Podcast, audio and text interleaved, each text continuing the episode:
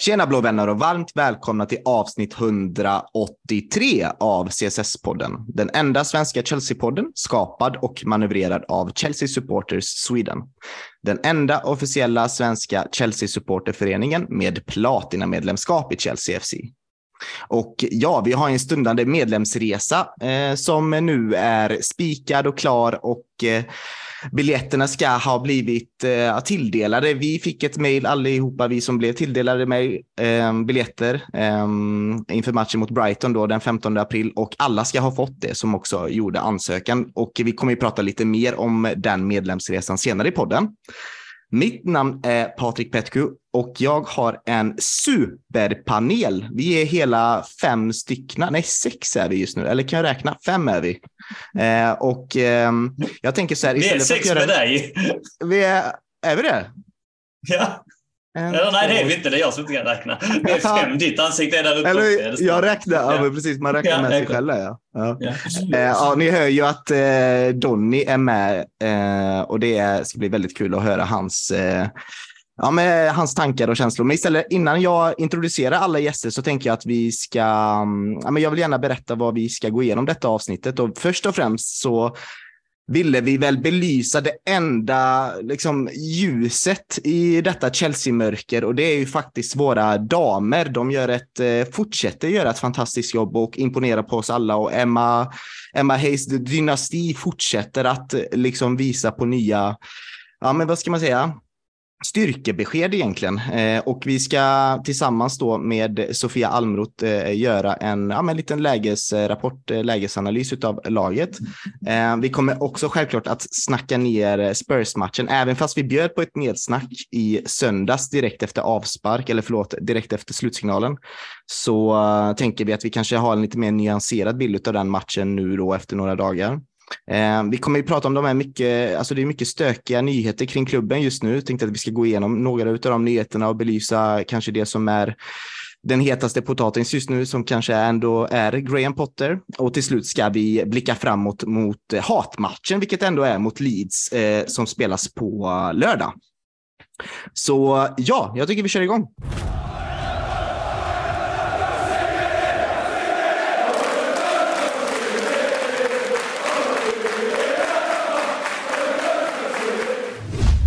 Ja, då kan vi börja med att introducera Donny. Du var ju först på bollen när du kunde inte låta bli. Eh, välkommen till podden.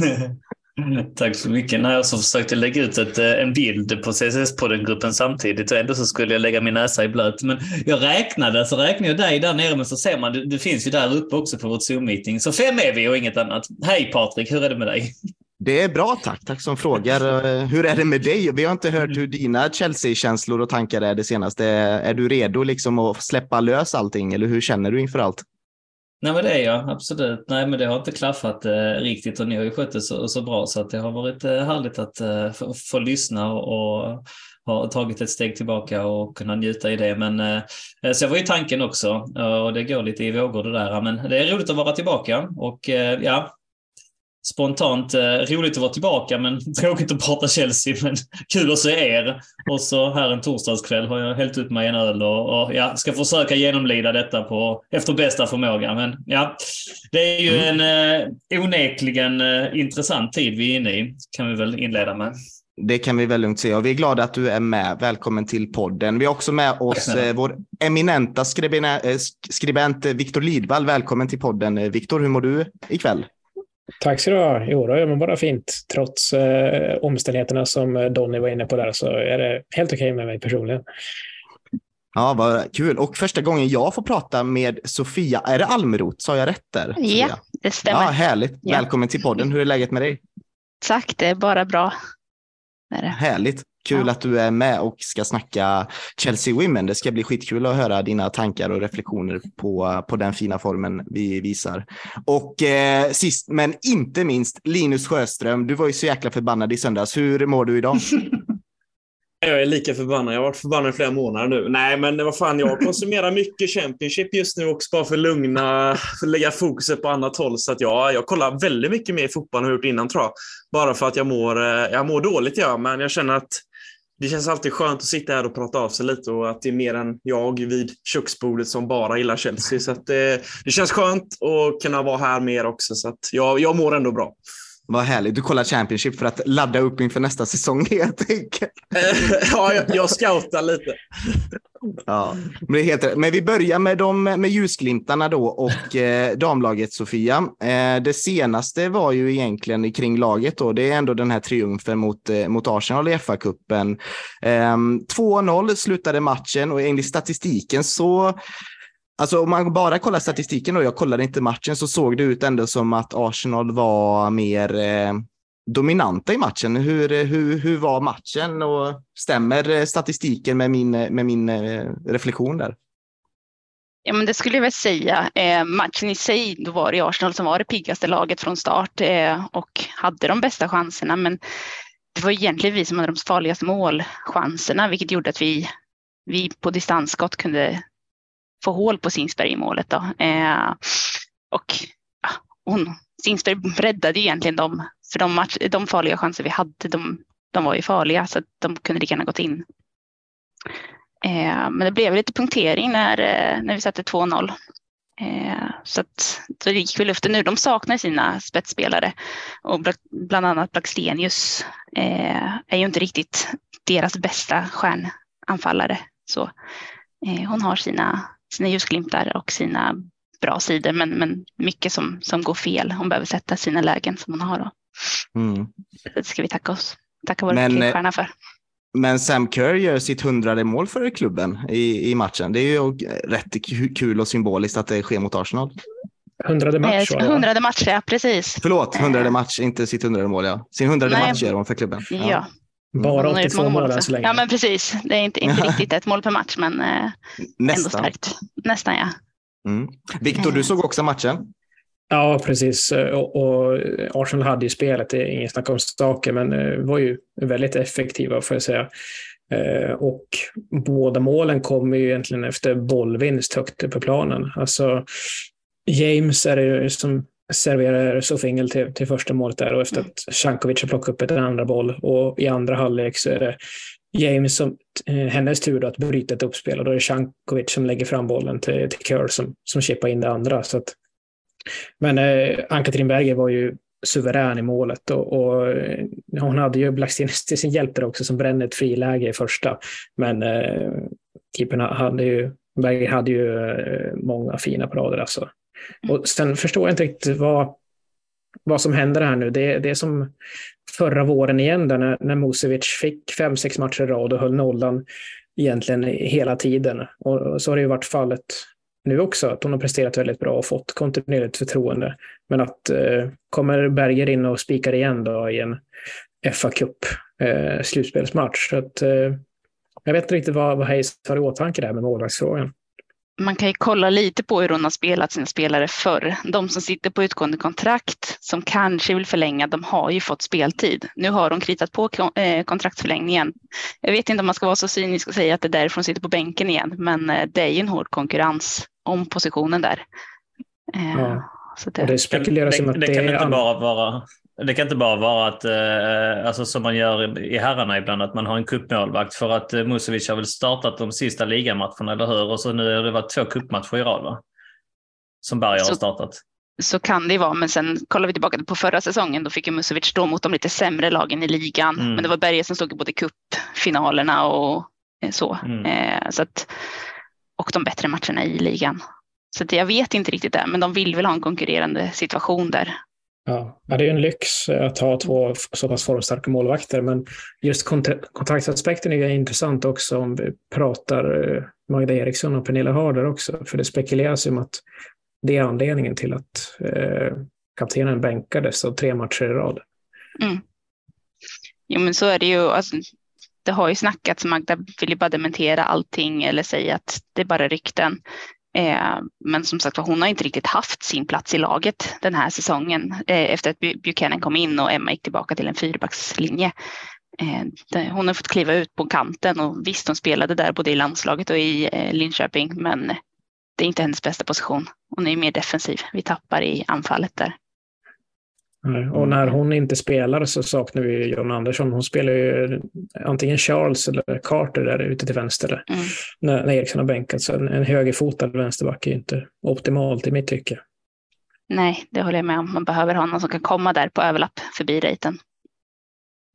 Har Men... ni några insights, ni som är så pålästa kring eh, Magda Erikssons situation? Alltså det för att eh, det, det, det, det man har hört är att hon förmodligen inte kommer att skriva på en förlängning även om det erbjuds någonting. Eller är det det senaste vi vet? Egentligen så vet vi ingenting mer än att både hon och Harder vi spelar tillsammans nu i slutet. Mm. Eh, när de lämnade Linköping så var det ju för att de ville satsa på sina karriärer. Men nu är det ju att de är så pass gamla att de vill, de vill spela tillsammans. När de fått göra det i Chelsea då har de fått mer smak och då ryktas det om Lyon eller Real Madrid. Eh, men det är ju mm. inget konkret mer än så. Ja, det är klart, det tänker man inte på. Liksom, att det är klart att det är en eh, familjeaspekt invävd också. Det är helt unikt. Det finns ju inte på samma sätt eh, någon annanstans vad jag, vad jag vet. Va? Alltså ett eh, kärlekspar som spelar i samma lag och det är väl klart att man vill ha det så om man ska bo ihop. Liksom. Att man vill ja, åtminstone vara i samma stad.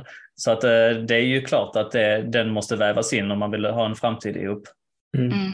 Sen ser jag inte vad som står i vägen för en förlängning heller från respektive spelare. Alltså, och, och det uttryckte hon i, i början på säsongen, alltså hur bra hon trivs, Eriksson i, i, i London och att uh, Harder verkligen trivs. Att, mm. uh, och sen är det också ett styrkebesked att vi presterar så pass bra som vi gör utan Harder. Uh, vi har i och för sig värvat in väldigt duktiga spelare, men i, alltså i sluttampen på, på ligaspelet i våras så var det ju mångt och mycket hon som uh, bar laget Eh, stora stunder. Mm. Så frågan är väl egentligen om det kanske, Eriksson har ju sin plats, hon är ju kapten, eh, men om det kan vara så att Harder, hon har inte riktigt fått det här lyftet sedan hon kom till Chelsea. Eh, hon har alltid varit den bärande spelaren både i Wolfsburg och Linköping eh, och i landslaget, men hon har ju fått spela 60 minuter, sitta på bänk, hoppa in, köra 30 minuter för att det har varit sån konkurrens och sen har hon varit mycket skadad. Så att jag vet inte om det kan vara där skon klämmer, för att hon är ju ändå en av de bäst betalda i ligan. Precis, och en rekordvärvning när hon väl anslöt. Mm. Världens dyraste. Yep. Hörni, en spelare jag gärna vill eh, prata lite om och det är någonting som har dykt upp mycket i mina flöden och jag antar att det har dykt upp i många av era flöden också. Det är ju eh, Lauren James. Eh, hur bra är hon egentligen? Eh, jag vet inte om jag kan svara direkt. Jag sitter här och jobbar med Chelsea Swedens medlemstidning här nu som hela svenska fansredaktionen bidrar till. Så den, den, kommer ju landa i alla medlemmars eh, brevlådor här senare under våren. Eh, men eh, mitt eget bidrag till den handlar om just Lauren James. Så jag är ett stort fan av henne. Och ja, kan väl avslöja egentligen huvudtesen i, i min text, men att hon kommer bli bäst i världen. Och det är ganska snart. Det är min fasta övertygelse. Det är häftigt. Vilket jäkla mål hon gjorde också, det solomålet där. Eh, var det mot eh, Tottenham? Eller var, nej, det var det inte va? Var jo, det, mot det var mot Tottenham. Det var mot Tottenham, ja. Mm. Precis. Mm. Det vann ju eh, månadens mål. Ja, riktigt eh, fint mål. Och eh, vad, hur är stämningen i, eh, om vi bara tar så här, stämningen runt klubben eller runt laget snarare? Hur, hur känns det? Man ligger ändå två i ligan. Man möter, nu har man blivit lottad mot Reading i eh, kvartsfinal va? i FA-cupen efter eh, segern mot eh, Arsenal. Och man möter Lyon va? i Champions League. Um, hur är stämningen i klubben? Tror man på eh, fortsatt framgång eller hur, hur, hur pratas det? Målet är väl egentligen att ta en kvadruppel i år. Eh, vi är i ligacupfinal redan nu på söndag mot Arsenal. Eh, sen är det ju fortfarande FA-cupen har vi chansen på. Ligan är inom räckhåll. Vi har väl en match mindre spelad än United som ligger en poäng före. Eh, och Emma Hayes mål är ju att vinna Champions League. Nu möter vi de regerande mästarna i nästa omgång så att det blir ju tufft direkt men, eh, men målet är ju att ta, ta hem alla fyra. Så det, det är självförtroende, det osar självförtroende? Det, är, det gör det. Precis, oaktat eh, kontraktssituationer och andra draman. Så ja, det går ju väldigt bra. Eh, mm. Vi har ju bäst poängsnitt i ligan och nu har ju City kommit upp igen här efter att de hade jättemånga skador i fjol. Så är de poäng eh, på gång nu och bara ett par poäng bakom. I och för sig med en mer spelad än Chelsea då, återigen. Men det, det, är ju till, till vår gagn att både Beth Mead och Midema är, är korsbandsskadade i Arsenal. Tråkigt för dem, men ja, det, annars hade det ju varit ett fyra häst-race utan tvekan. Mm. Och jag är Daniel Ja, nej, jag är inte Daniel, jag är Patrik, men du är Daniel och du ville prata. Daniel, jag räckte upp en virtuell hand. Nej, men jag, jag tycker det är så kul att vi har två stycken så eh, kunniga inom damlaget. Jag av olika anledningar har inte kunnat följa damlaget så mycket som jag har velat den här eh, säsongen, så jag blir också helt frågvis. Men eh, någonting som man kommer att tänka på eh, av kanske naturliga anledningar är ju ledarskapsstilarna. Eh, såklart Emma Hayes och, och, och Potter emellan. Inte helt ofrånkomligt så börjar man ju jämföra dem. Va? Och mm. eh, alltså, vad, vad, vad, är er take på det? Alltså, Sofia, om jag bollar över den till dig. Va? Alltså, jag, jag hörde ju en, en intervju med Emma Hayes efter eh, att man hade gnetat sig till en vinst, vilket det ändå var mot Arsenal om jag förstått det rätt. Va? Men alltså det, den pondusen hon går in i den intervjun med när hon pratar om elite players måste ibland liksom eh, skapa fram vinster på det här sättet. Hela hennes retorik, hela hennes sätt att föra sig. Eh, det här eh, klippet som har gått viralt när hon pratar om att vill ni liksom inte kämpa för tröjan så fixar jag någon andra som gör det. Alltså this is Chelsea Football Club. Alltså hela den där. Och så sen så har vi i, i nästkommande segment då kommer vi prata om, om vad vi har på, på här sidan, alltså motsvarigheten som inte alls har den typen av retorik och kontrasten blir ju monumental där vi sitter och pratar den här torsdagskvällen. Ja, Sofia, din take på, på hela den bilden? Alltså den största skillnaden är väl att vi får inte glömma bort att Emma Hayes kom ju till klubben redan 2012 i mm. augusti där. Eh, och sen, det gick inte spikrakt för henne första säsongen 2013. De spelade ju över sommaren så de hade inte den här vintersäsongen. Men så 2013, de slutade tvåa från slutet. Eh, mm. Så det har inte varit spikrakt. Eh, men hon har haft chansen att bygga upp från tid. Hon har plockat spelare som hon tror på. Hon har haft en spelidé. Det har gått hur bra som helst i de inhemska ligorna om man kollar på hon, hon kollar ju deras menstruationscyklar, ger dem kosttillskott när de behöver det, liksom har väldigt koll på, på de spelare hon tar in. Eh, så hon har haft en helt annan förutsättning om man jämför med Potter då, som bara har haft den här säsongen på sig att jobba med andras spelare om man säger så. Eh, Kanske så, lite olika resurser också eller? Mm. Jo men så har det ju varit. Nu har ju de fått väldigt mycket bättre resurser senare tid. Eh, så det, det, finns ju väldigt mycket olika sätt att se på det och jag tycker själv att man kan se Emma Hayes, om, om man kollar på finalen mot Barca eh, 2021 var det va, eh, då hade hon inte chansen att i en returmatch möta upp den, eh, deras sätt att spela. Kollar man på de andra matcherna mot Bayern München eh, så, eller Wolfsburg så då kunde de vända matcherna för att de hade ett returmöte. Då hade de liksom kunnat gå hem till ritbordet och göra om, göra rätt. Eh, den chansen hade man inte i, i finalen och då gick det inte att vända den matchen heller. Eh, och efter det så har man ju sett att de vill testa lite nya stilar, men vi landar ändå tillbaka den här säsongen i en fyrabackslinje istället för tre som förra säsongen. Så det, ja. hon jobbar långsiktigt med de spel hon har. Det ligger nog en del, någonting du säger där Donny med, med ledarskapet. Att eh, jag upplever i alla fall att det är mycket tough love från MHAs sida. Att, eh, mm. ja, hon blir ett slags eh, lagmamma för sina spelare, men det är ganska hårda tongångar ibland. Men hon påminner en, del om alltså den här gamla skolans engelska manager, att eh, det är lite envåldshärskare eh, över henne. Sen, sen har hon ju en Eh, Eh, ja, det är en amerikansk sport här, men general manager är Paul Green då, som hjälper mig till med, med rekrytering. Eh, men det, det, är också eh, Dassen som eh, sänder Champions League-matcherna på Youtube har ju en eh, dokumentär i tre, fyra delar eh, också som ger en väldigt bra inblick i hur Emma Hayes fungerar framför allt. Eh, och det är ju från säsongen 1920. Eh, så att om man är mer nyfiken på, på hennes ledarskap så är det ja, såklart Chelsea-supporter så är det nästan obligatorisk tv. Hur, lång tid, hur, långt är, hur långt är vi från att en Premier League-klubb anställer, låt säga Emma Hayes, som, som sin tränare på, på herrsidan? Eh, jag leker ju oftast med tanken att Emma Hayes borde ju ta över herrlaget, men det vill ju säkert inte Sofia. Hon vill ju sä säkert att hon ska stanna där. Men men eh, hur lång tid? Eh, alltså det, det, det är jättekonstigt här. Varför, varför inte liksom? Hon verkar vara hur bra som helst. Jag vet att hon fick ett erbjudande för några år sedan va? för att ta över någon League 2-klubb eller någonting, eller vad det var. Men hon, jag tyckte det var så respektlöst att liksom det skulle vara det enda budet. Det är ju, eh, det är Premier League-klubbar som ska, som ska jaga henne, känns det som. Eller är inte fotbolls-England redo för det? Jag tror egentligen det största handlar väl om vilken annan klubb eller vilken herrklubb skulle hon kunna få den rollen hon har nu. Hon sitter ju liksom på tronen. Hon är ju högst, högsta hönset. Hon har kunnat styra och ställa, plocka de spelare hon vill på ett helt annat sätt än vad en herrtränare får göra i Premier League. Så jag vet inte, hon får jobba med de bästa spelarna i, i, i världen i, på klubblagsnivå. Mm. Eh, så att, alltså absolut, jag, jag ser inte det som en omöjlighet att hon skulle kunna ta över en Premier League-klubb, men jag vet inte om hon kommer få ett, ett motsvarande bra erbjudande från, från ett herrlag som hon har nu mm. i Chelsea.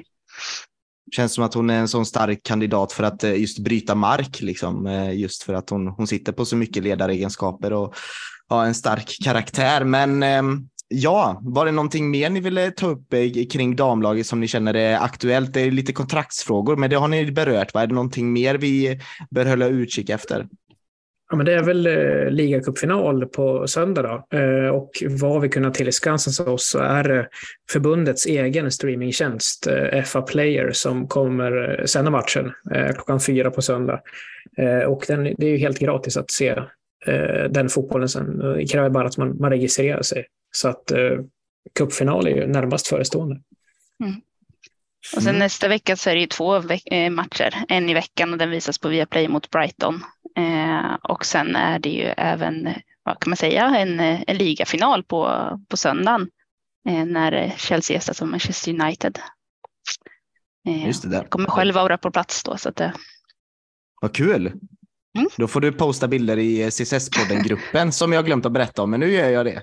Eh, så där får du absolut lägga upp eh, bilder och eh, dina tankar och känslor kring att vara på plats, tycker jag. Men Sofia, kan inte du berätta lite mer om ditt arbete på CSS och framförallt då på Våra Svenska Fans? Ja, vad ska jag säga där? Jag är ju med som alla andra i redaktionen och skriver matchrapporter och införrapporter och så, men sen har jag alltid brunnit lite extra för, för damfotbollen så att jag startade upp en spalt för två år sedan eh, som jag uppdaterar en gång i veckan. Eh, och där gör jag en summering av vad som har hänt i damlaget under veckan, matcher, eh, kontrakt, om det har hänt något roligt på deras eh, Twitter eller något sånt. Och försöker hålla den så uppdaterad som möjligt, bara för att alla ska kunna få en snabb recap på vad som händer. Härligt. Och eh, som sagt, om ni vill ha, eh, utforska mer kring damlaget så eh, ehm, utforska gärna denna spalten och läs, läs på. Och vi tackar dig Sofia för ditt, ditt engagemang och ditt arbete. Tack för att jag fick vara här och prata om dem. ja, eh, men du ska kila iväg nu. Du ska gå och laga mat hörde jag. Det ska jag göra så vi får någonting att äta ikväll. Nice, då får jag tacka för att du har eh, deltagit i eh, kvällens avsnitt och hoppas att ni njöt allihopa som lyssnade. Tack så jättemycket Sofia, riktig stjärna. Tack. Ha det gott. Hej. Ja, gud, var ska vi börja här? Alltså, först och främst, vi tackar Sofia återigen för att hon kunde ställa upp och prata Chelsea Women. Det gjorde oss alla lite extra glada, för vi behöver den glädjen nu när vi ska prata om förlusten på Tottenham Hotspur Stadium mot eh, Spurs. Och Linus, ja, du var ju med i ett direkt nedsnack precis efter eh, denna matchen och då jag förväntade mig att det skulle liksom skrikas och gapas och där, men det, ni var ändå hyfsat lugna, men eh, fåordiga och det var inte så mycket, vad ska man säga, djup analys av matchen, utan det var bara liksom rena rama känslor. Hur, eh, nu när du har tänkt efter lite och sett tillbaka på det, hur, hur går reflektionerna då? Ja, det var ju ganska tomt efter den matchen. Det var svårt att liksom sätta ord på det, exakt vad som var problemet. Men eh, en sak som var tydligt det var ju att det var ett lag som hade en spelidé och ett annat lag som inte hade något alls.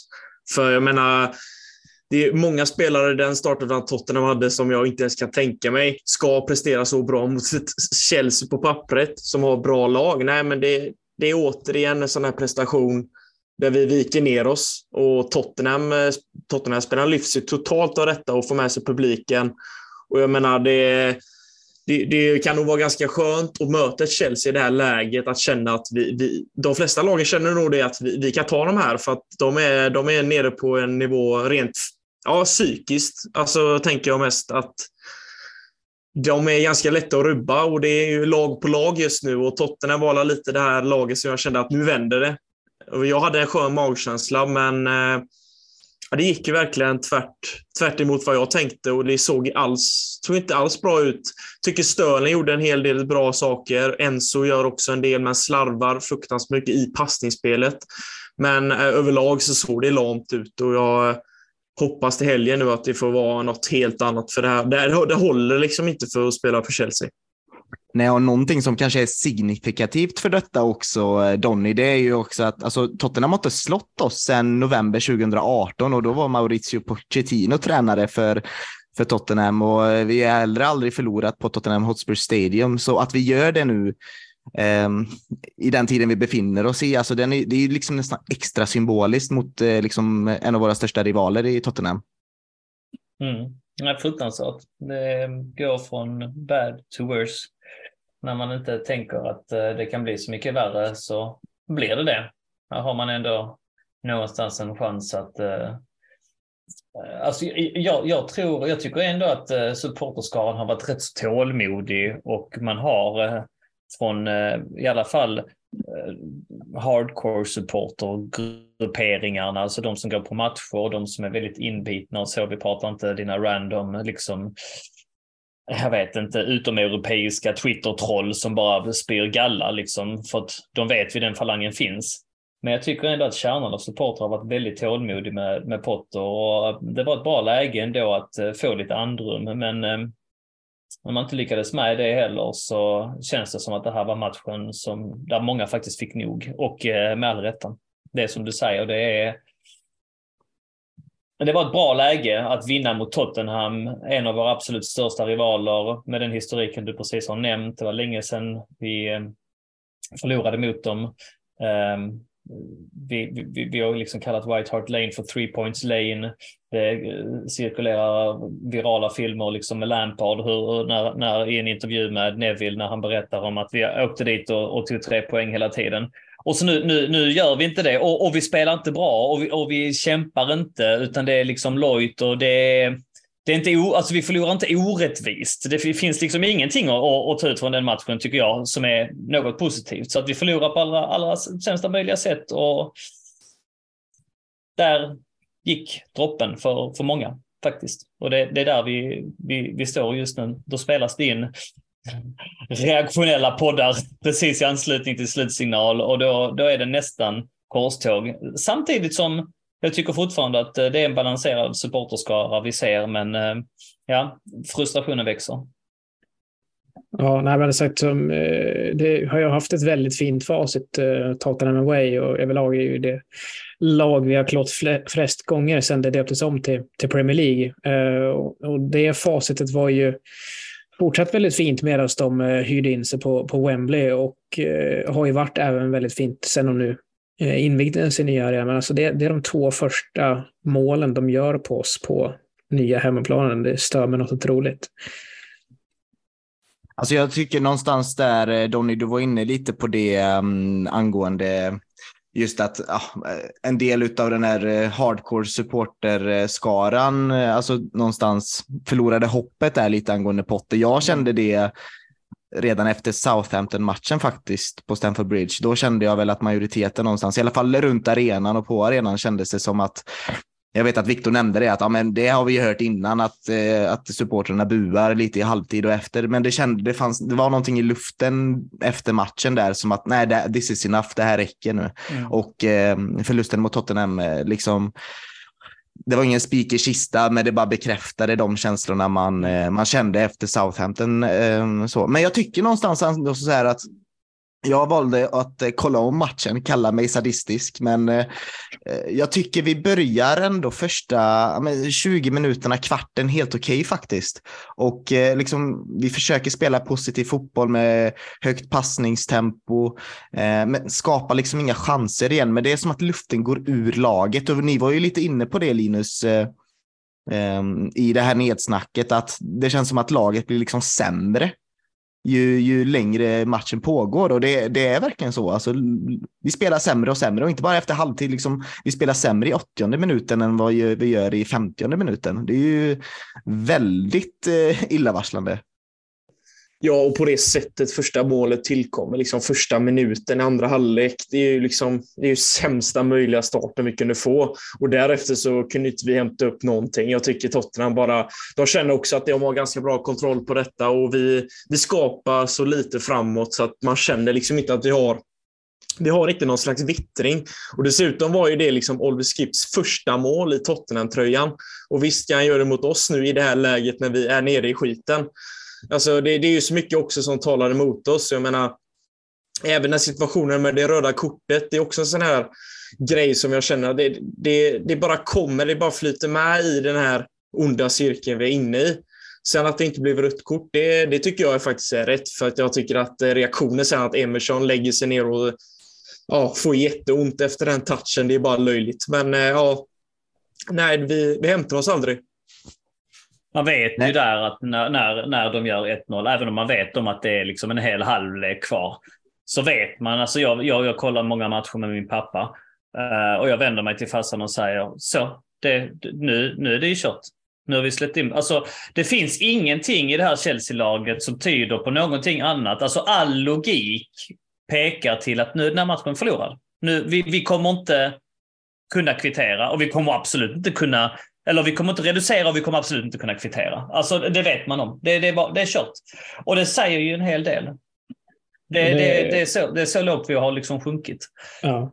Och Tottenham behövde inte vara särskilt bra för att komma till den punkten heller. De är ju ingen jättematch. Nej, liksom. nej precis. Eh, nej, och så, som Linus säger att eh, det, det, är... Eh, det, det, känns aldrig som vi är särskilt nära, eh, som, som, du också är inne på Donny. Och det är ju, så här otäckt likt den här 1-0-torsken mot, mot Arsenal i november. Att eh, resultatraden kanske säger, skvallrar om att det är en jämn tillställning, men det var ju likadant då, då mot Arsenal, att eh, vi var ju chanslösa egentligen i, i den matchen. Vi, vi, är väldigt långt ifrån den nivå vi behöver vara på, även eh, mot Spurs. Och vi är förbi liksom bra halvlekar. Vi är förbi bra 20 minuters perioder. Vi är förbi att luta oss eh, på liksom eh, låtsasväggar och dra efter halmstrån. Vi är förbi det. Vi behöver resultat. Vi behöver vinster. Vad som man kan säga, alltså min sista sånt andetag, det drog jag i Dortmund-matchen. Okej, vi förlorade med 1-0, men det såg bra ut. Okej, okay, vi lutar oss på det för en sista gång. Därefter förlorar vi mot fucking Southampton. Sämsta laget i hela ligan. De kommer åka ut så det sjunger om det. Man är inte ens en tränare. Inte ens en tränare ställer de upp med. Och vi förlorar och Graham Potter eh, skyller på att vi mötte ett bra organiserat Southampton. Vad gör det, vad gör det oss? Om de var bra organiserade. Vad innebär det? Alltså, förstår han vad han säger i den meningen? Och sen förlorar vi mot, mot, mot Tottenham i matchen efter. Vi är förbi alla former av halmstrån i de bemärkelserna. Vi behöver vinster, vi behöver det illa kvickt. Men även om vi skulle få några vinster nu så tror jag ändå hans dagar är räknade. Det här, det här är så pass dåligt så att vi behöver liksom ett nytt ord för dåligt. Och det, det är tyvärr där vi är alltså. Ja, men jag, jag, Nej, men lyssna här. Alltså, sida genom mitt, men, mitt Twitter. Ja, förlåt. Ja, Patrik, ja men, men jag tänkte på det, alltså, just med de här ursäkterna han har haft också, som vi också alla har stått bakom någonstans, att vi har haft många skadade och, och bla bla bla. Ni, ni känner till alla förklaringar då inom eh, citattecken, eh, men också kan räknas som ursäkter som alltså anledning till varför vi har hamnat där vi är. Men nu börjar han ju, nu läste jag nyligen att han säger att nu har han för många spelare. Liksom, så han, kan inte, han kan inte göra bra träningar. Han mm. vet inte hur han ska eh, liksom, organisera upp sina träningar för att han har för många spelare. Så ja, jag vet inte, jag tycker det är bara märkligt eh, allt som händer. Liksom. Och jag känner inte igen det här laget eller klubben någonstans eh, längre. Jag vet inte vilket vi det är som har, som har köpt de här så säga, bortförklaringarna eller eh, förklaringarna till, till varför det går dåligt. Jag tycker podden egentligen har varit ganska konsekvent. Att vi mm. lyft fram hur, hur duktig Tuchel har varit på att hantera media och att Potter mm. har inte alls varit lika klockren sedan han tillträdde posten. Det, det, har han inte. Nej, och det är ju det är såna jävla robotsvar han ger i intervjuer. Det är, liksom, det är inte det vi söker. Vi vill ha lite mer förklaringar. Det är bara platt. Ja, de, the boys gave everything. Vad fan är everything i det här sammanhanget? Då, eh, då har vi en väldigt låg ribba för det, för jag tycker att det är, det är alldeles för slappt. Och, och ska vi börja skylla på att det är för många spelare, ja, men då klarar han inte av att ta hand om ett topplag. Då klarar han inte att ha de här resurserna som man egentligen vill ha, som man siktar efter. Men då klarar han inte av den här uppgiften just nu. För det märker man ju. Han har inte haft de här större klubbarna och nu har han x antal egon han ska ta hand om i Brighton. Det kanske var ett mer kollektiv där kanske inte det finns de här större stjärnorna. Men det är ju någonting att bygga på. Men här har han ju färdiga stjärnor som kommer in som man måste hantera och uppenbarligen, det går inte så jättebra. Men det var ju detta han skulle vara bra på. Exakt. Alla som har följt ja. honom säger det var ju detta han skulle... Man hade ändå kunnat ha en ursäktande approach till att han kanske inte är så jäkla bra på presskonferenser mm. eller att han inte är så jäkla färgglad vid linjen och så vidare. Men det här skulle han hantera. Det var mm. det som såldes till oss. Just den här biten med spelarna, med gruppen, med personligheterna, med att liksom manage the, the personality, manage the human beings, the, uh, fotbollsspelarna bakom, människorna bakom fotbollsspelarna och så vidare. Det skulle han fixa. Och det gör han uppenbarligen inte. Utan mm. tvärtom skulle jag argumentera för. Alltså han har skött den här situationen väldigt dåligt. Uh, vi vet om att en sån som Hakim Ziyech var liksom en halv sekund från att lämna oss i januari. Varför får han helt plötsligt spela så mycket? Det är nästan så att man känner att Potter tyckte synd om honom, att han satt där i Frankrike och hutrade. För att matchen efter mot Fulham, då startade ja. han. Och nu senast mot Tottenham startade han igen. Han var på väg ut för bövelen. Mm. Alltså, det blir liksom någonstans kontraproduktivt. Om du då har 31 stycken spelare, ja men fan, bant, peta sex stycken, skicka ner dem i juniorerna. Det har ju andra tränare gjort förr. Maludar skickades ner i juniorerna. Bogarde skickades ner i juniorerna. De spelarna som inte liksom har huvudet med sig eller är, är, är på, på rätt plats mentalt, de behöver ju liksom inte tillfredsställas. Det här är ju en business för helvete och det håller på att gå åt skogen. Så att nej, alltså, just den här biten med att han skulle fixa spelarna, där är jag superbesviken. För det, där, där ser jag ingen progress överhuvudtaget. Nu, nu upplever jag också att vi, vi går mycket in på den här tredje punkten jag ville ta upp med nyheterna kring klubben och vi mm. försvinner från matchen. Men jag inser ju med att vad fan ska vi snacka om den här matchen? För det finns ju ingenting. Mm. Alltså, visst, det är lite vi gjorde, du inledde ju också med det Patrik. Att ja. det, nu har ja. vi faktiskt pratat rätt mycket om det i nedsnacket i podden. Då, som, men jag tycker, men... Jag ja, men en så här relevant grej. Det jag, varför går han inte tillbaka till liksom sin trebackslinje? Nu har han ju Chilwell och Reece James tillbaka vi, han hade ju ändå, vad var det, nio matcher utan förlust när han tog över efter Tuchel mm. med just den där trebackslinjen. Det här var ett perfekt tillfälle nu att matcha Antonio Contes lag då, eller Tottenham, eh, och spela dem position på position och försöka vinna dem, vinna, vinna dem på ett individuellt plan. Men det, det gör han inte heller. Så jag ser inte heller en stark taktiker heller. Det finns ju mycket ah, jag kan, jag, jag kan ju ranta på hur mycket som helst om, om, om Graham Potter och det kommer vi väl fortsätta göra. Men eh, just en sån här enkel grej som att du vet, gå till back to basics. Liksom. Sa de inte själva det, att, de, att det var det de skulle göra? Back to mm. basic och spela enkel fotboll. Liksom. Jag kan förstå den, den frågeställningen och eh, kan inte dela den. just eh, stort fan av den formationen. Men eh, på sen, senaste veckorna så har man ju, eller många supportrar har ju efterfrågat mer kontinuitet från Potter vad gäller de starthelver han, han tar ut. Och, eh, en sak som har varit konsekvent är ju åtminstone den här 4-2-3-1 formationen som han har, han har kört. Så att, eh, men sen är det ju lite plockepinn där på, på mittfältet, eller det offensiva mittfältet, vem, vem som spelar och även en del i backlinjen. Samtidigt, eh, Viktor, de två bästa matcherna vi har spelat i år, det har ju varit, eh, går att argumentera för att det var Milan hemma och Milan borta. Och där i båda matcherna ställde vi upp en trebackslinje. Och vi vet de facto att eh, Rhys James och Chilwell är liksom bättre wingbacks. i roller mm. som wingbacks, precis, mm. än, än som renodlade ytterbackar i en, i en fyrbackslinje. Så att ja, alltså samtidigt som man efterfrågar kontinuitet så ja, det, det, det, kan jag väl hålla med om.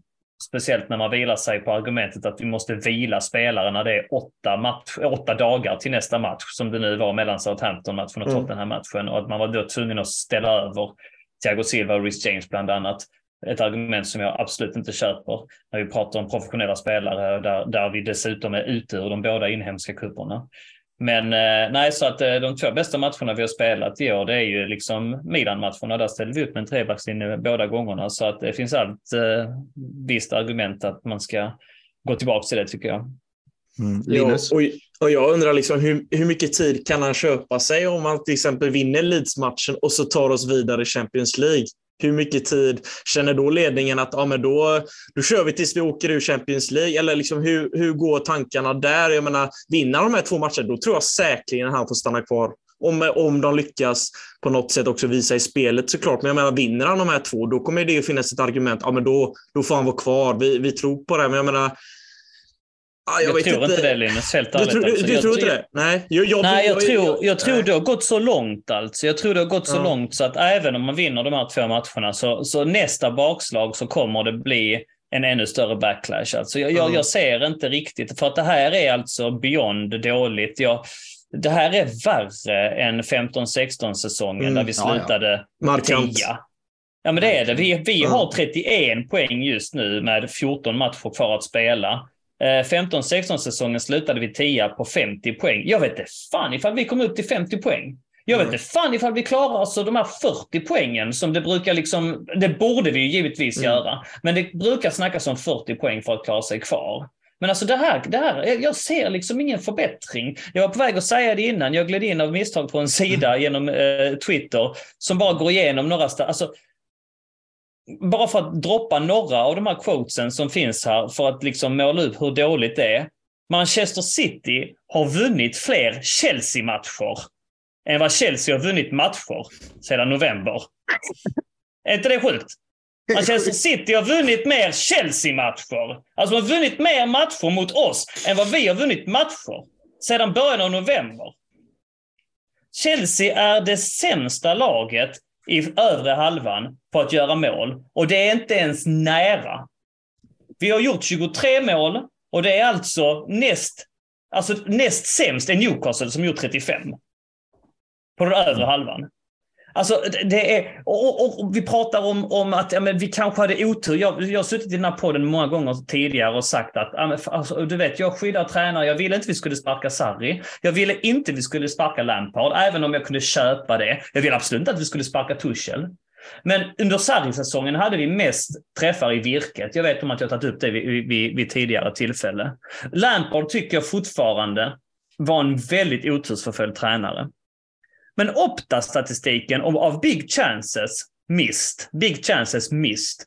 Vi har alltså 31 big chances missed enligt Opta. Och där är vi åtta i ligan. Mm. Alltså, det är inte utmärkande. Liverpool har 51. De ligger etta. Alltså, det finns många fler. Alltså, det är ingen otur att vi förlorar de här matcherna. Jag skulle snarare kunna argumentera för att vi har haft tur i vissa matcher. Exempelvis mot Aston Villa. Det borde ja, vi inte ha vunnit under Potter. Den 2-0-matchen alltså, menar du? Ja, precis. Mm. Ja, nej, jag 2-0-matchen mot Villa, den borde vi inte ja. ha vunnit. Nej, nej, nej. Mounts frispark då, va? Mm. Ja, precis. Och, och Milan-matcherna, vi vann med 2-0. Ja, det var ju mycket för att uh, Tomori fick ett rött kort uh, i början. Sen så har vi förlorat, vi blivit utspelade mot Brighton, vi förlorat rättvist mot uh, City några gånger, uh, Newcastle 1-0, Villa 1-0, uh, kryssat mot Nottingham, förlorat, alltså kryssat mot ja, men de sista matcherna nu. Kryss Liverpool, kryss Fulham, kryss West Ham, förlust mot Dortmund, förlust mot Southampton, förlust mot Tottenham. Alltså, alltså jag, jag, det, ja, jag tror inte två jag... vinster på de sista 15 matcherna. Jag tror inte jag överdriver när jag säger att jag, jag tror vi är nog det sämsta laget i ligan alltså, just nu. så rent formmässigt så är vi ju det ju. Ja, men det är väl ja. målande om vi förlorar mot Southampton Lyssna på detta, det här är intressant också. Vi förlorar mot Southampton som igår fick stryk av Grimsby. Det är ett League 3-lag. Mm. Och vi förlorar mot Tottenham som igår fick stryk av Sheffield United. Båda två lagen utan tränare dessutom. Ja, Victor, ja alltså, zoomar vi ut lite. Jag tror inte att han får, får kicken vid nästa setback. Om det nu skulle gå bra mot Leeds och vi avancerar i CL eller åtminstone ja, kanske tar det till förlängning eller vad som helst. Utan, eh, skulle de, nu vet man ju inte hur den här nykomponerade ledningen resonerar, men skulle han fått sparken skulle det ha skett i förra veckan efter SA-15. Eh, det hade ju varit läget att, att kicka honom om man nu vill göra det. Så jag tror att han rider säsongen ut. Ja, det tror, det tror jag mycket, att det är mycket möjligt faktiskt också. Men det man tar del av från rapporter nu, framförallt på Twitter, det är både att Matt Law och Nisa Kinsella med flera säger att missnöjet gror nu, även i mm. ledningen. Mm. De har varit väldigt tålmodiga, men nu börjar det liksom röra på sig och eh, det ryktas om att det, det, finns de här, de här två nästkommande matcherna. Vi pratar om tre nästkommande matcher, det var inkluderat Tottenham, men det har nu då eh, övergått till att det är två matcher han har kvar att, att rädda den här säsongen på. Det är alltså Leeds på lördag och sen är det då Dortmund på tisdag. Det ska nämnas också att liksom eh, ledningspropagandan har ju varit väldigt stark och aktiv de senaste veckorna. Han har, vi har, det har släppts bilder att Todd Bowley är på träningsplan och skrattar med Graham Potter och det ska kom ut rapporter att han tydligen hade kommit in i omklädningsrummet då efter matchen mot eh, Tottenham för att visa upp enighet med liksom, tränaren och spelaren. Så det förs ju ändå en slags propaganda där, där man vill utåt visa en enighet med, eh, med Potter och med, med, med ledningen. Men det är ju ingenting som vi, eh, alltså vi beresa Chelsea-fans och vi som har varit igenom mycket, liksom går på riktigt heller. Nej, och det, jag tycker också det känns lite talande för liksom när man inte ens startar med Mudrik mot Tottenham. Eller Chupomoeka, vad, vad, vad händer där? Liksom, han är ju nere i, i frysboxen. Och det är det mm. en spelare jag tycker faktiskt har sett ganska lovande ut i den här misären som ändå har varit med säsongen. Jag, han hade otur med ett stolpträff mot United. Alltså lite sådana grejer också kunde ha gått åt andra hållet för oss. Liksom. Och nej men Ja, ledningen, ja. De har visat att ja, vi, ska, vi ska tro på Potter. Vi, vi kommer inte ge upp på honom. Men det är som Donny säger, alltså det här har börjat gro nu gällande missnöjet. Och det, jag menar, det är nog ingen jätteskön känsla i den spelargruppen heller. Jag menar, det är ju Enzo Fernandes undrar nog lite vad, vad har jag kommit till också. För jag menar, det, det är inte mycket som har fungerat för honom heller. Jag tycker att han har ändå varit en av de bättre, men han har ju fortfarande inte varit på den nivån. Till exempel han var i VM. Men det är förståeligt, mm. det är ju ett lag som inte fungerar. Sen tyckte jag ändå eh, Donnys rant här var helt underbar. Jag fick mig lite känsla av eh, Hat i Göteborg-filmen där när han tränaren säger att vi är sämst. Så att, eh, ja, nej, men jag, jag gillar ändå och tycker att det är ändå värt att belysa alla de här statistiken, för det säger ju någonting om allting egentligen. Jag menar, jag kollar lite snabbt på highlights från SA-15 Greensby. SA-15 är ju ett fruktansvärt lag. Eh, alltså det, är katastrof. Alltså, nej men det, det, om inte de spelar i Championship nästa år, då vet jag inte. För att det var, nej, de spelar så dålig fotboll. Och mot oss, det var det. Jag vet inte hur de löste 1-0. Visst, Ward Prowse... Ja, men vet du hur de löste 1-0, Linus? Ja, de har ett sätt att göra ja. mål på. Ja, det är och alla som har följt Southampton, alla ja. som vet vem James Ward-Prowse är, jag tror han har gjort 19 frisparksmål mm. de senaste säsongerna. Vi visste om... Du, du, du, ja. Du är ju med i den här äh, gruppen som vi har, äh, äh podden-gruppen. Vad skrev jag där? Jag skrev det här är en straffspark, mm. skrev jag. Ja, ja det är det. Ja. Om jag visste om det, som inte får betalt av klubben, varför visste inte Potter om det då? Varför lägger han Kovacic? Har James Ward-Prowse någonsin slagit en frispark under muren? Varför lägger man Kovacic längst ner? Alltså, någon borde spr sprungit från muren och tagit stolpen direkt. För att vi ja, vet om att den hamnar ja. där. Alltså det här tycker jag är dålig ja. coachning. Lika, alltså det är det han skulle vara bra på. Du, du skrev här som en punkt i agendan, Patrik. Varför markerar Sterling, alltså mm. varför markerar Sterling Harry Kane på en defensiv hörna? Ja, men är inte det också dålig coachning? Vi vet ju om att Harry Kane är bra på att göra mål. Markera honom med den bästa gubben då. Alltså jag, jag begriper inte, jag, jag, jag, förstår inte vad den här liksom... Om du då inte är så verbal, Ja visst, vi köper väl det då. Om du har konstiga laguttagningar, ja okej, vi, vi köper väl det då. Ja, och så köper vi väl att det var skador där ett tag. Ja, det får vi väl köpa. Jaha, ska vi köpa nu att du har för bred trupp också? Ja, ja okej, men vi köper den också. Men för fan, mm. ställ upp laget rätt på fasta situationer åtminstone. Mm. Alltså, alltså något får väl en tränare göra? Den möjlighet han har nu, det är ju verkligen att sätta sina favoriter. Alltså att eh, verkligen bryta ner allting och köra, vi kör strikt 24 eh, år och yngre. Eh, men mm. vi ser ju inget sånt heller, liksom att han eh, mm. gör någonting av den här enorma spelartruppen. Liksom. Nej, men ni sex gubbar, ni kan stå åt sidan. Precis. Vi kommer fokusera på det här gänget. Ja, Så Aubameyang, tyvärr, B-laget. Uh, Ziyech, du har inte här att göra. Du kommer bara sprida dålig stämning ändå. Nej, jag tänker inte spela dig för att vara schysst, utan väck uh, tills vidare. Jag att Aubameyang alltså, kommer in från ingenstans, det är ju helt sjukt. ja, det är jättekonstigt. Och, och, och back, alltså bara markera, liksom. gå in och bara, bara ta lite beslut. Och ja, i denna ranten, missförstå mig rätt, jag hoppas att jag får äta upp varenda ord. Det bästa jag vill just nu, min enda dröm är att någon spelar upp detta för mig om ett halvår och säger ät nu lite humble pie Daniel. Se så fel du hade. Och tro mig, jag kommer äta den där humble pien. Jag kommer äta varenda bit av den. Jag vill att det ska gå bra för Graham Potter. Jag gillar honom. Han är en schysst snubbe. Men jag, jag har börjat inse, eller jag har insett att det krävs mer än att vara en schysst snubbe för att coacha ett lag på den här nivån. Och jag, jag, jag har landat i att han, han har inte det alltså. Det, det, det, han kanske är en bra tränare i Östersund. Han är bra, en bra tränare för ett mittenlag där han kan sammansvetsa laget, där han kan vara en jättetrevlig eh, kompiskille med allihopa, sprida god stämning, eh, ducka lite svåra frågor kanske inte har sådär jätteavancerad taktik och så vidare. Men på den här nivån, då krävs det mer. Det har jag insett. Och eh, jag, jag är rädd att han inte har det. Och med det sagt, gud vad jag hoppas att jag har fel. Men en fråga då, tror ni att Potter fortfarande hade tagit jobbet om han visste situationen han skulle hamna i?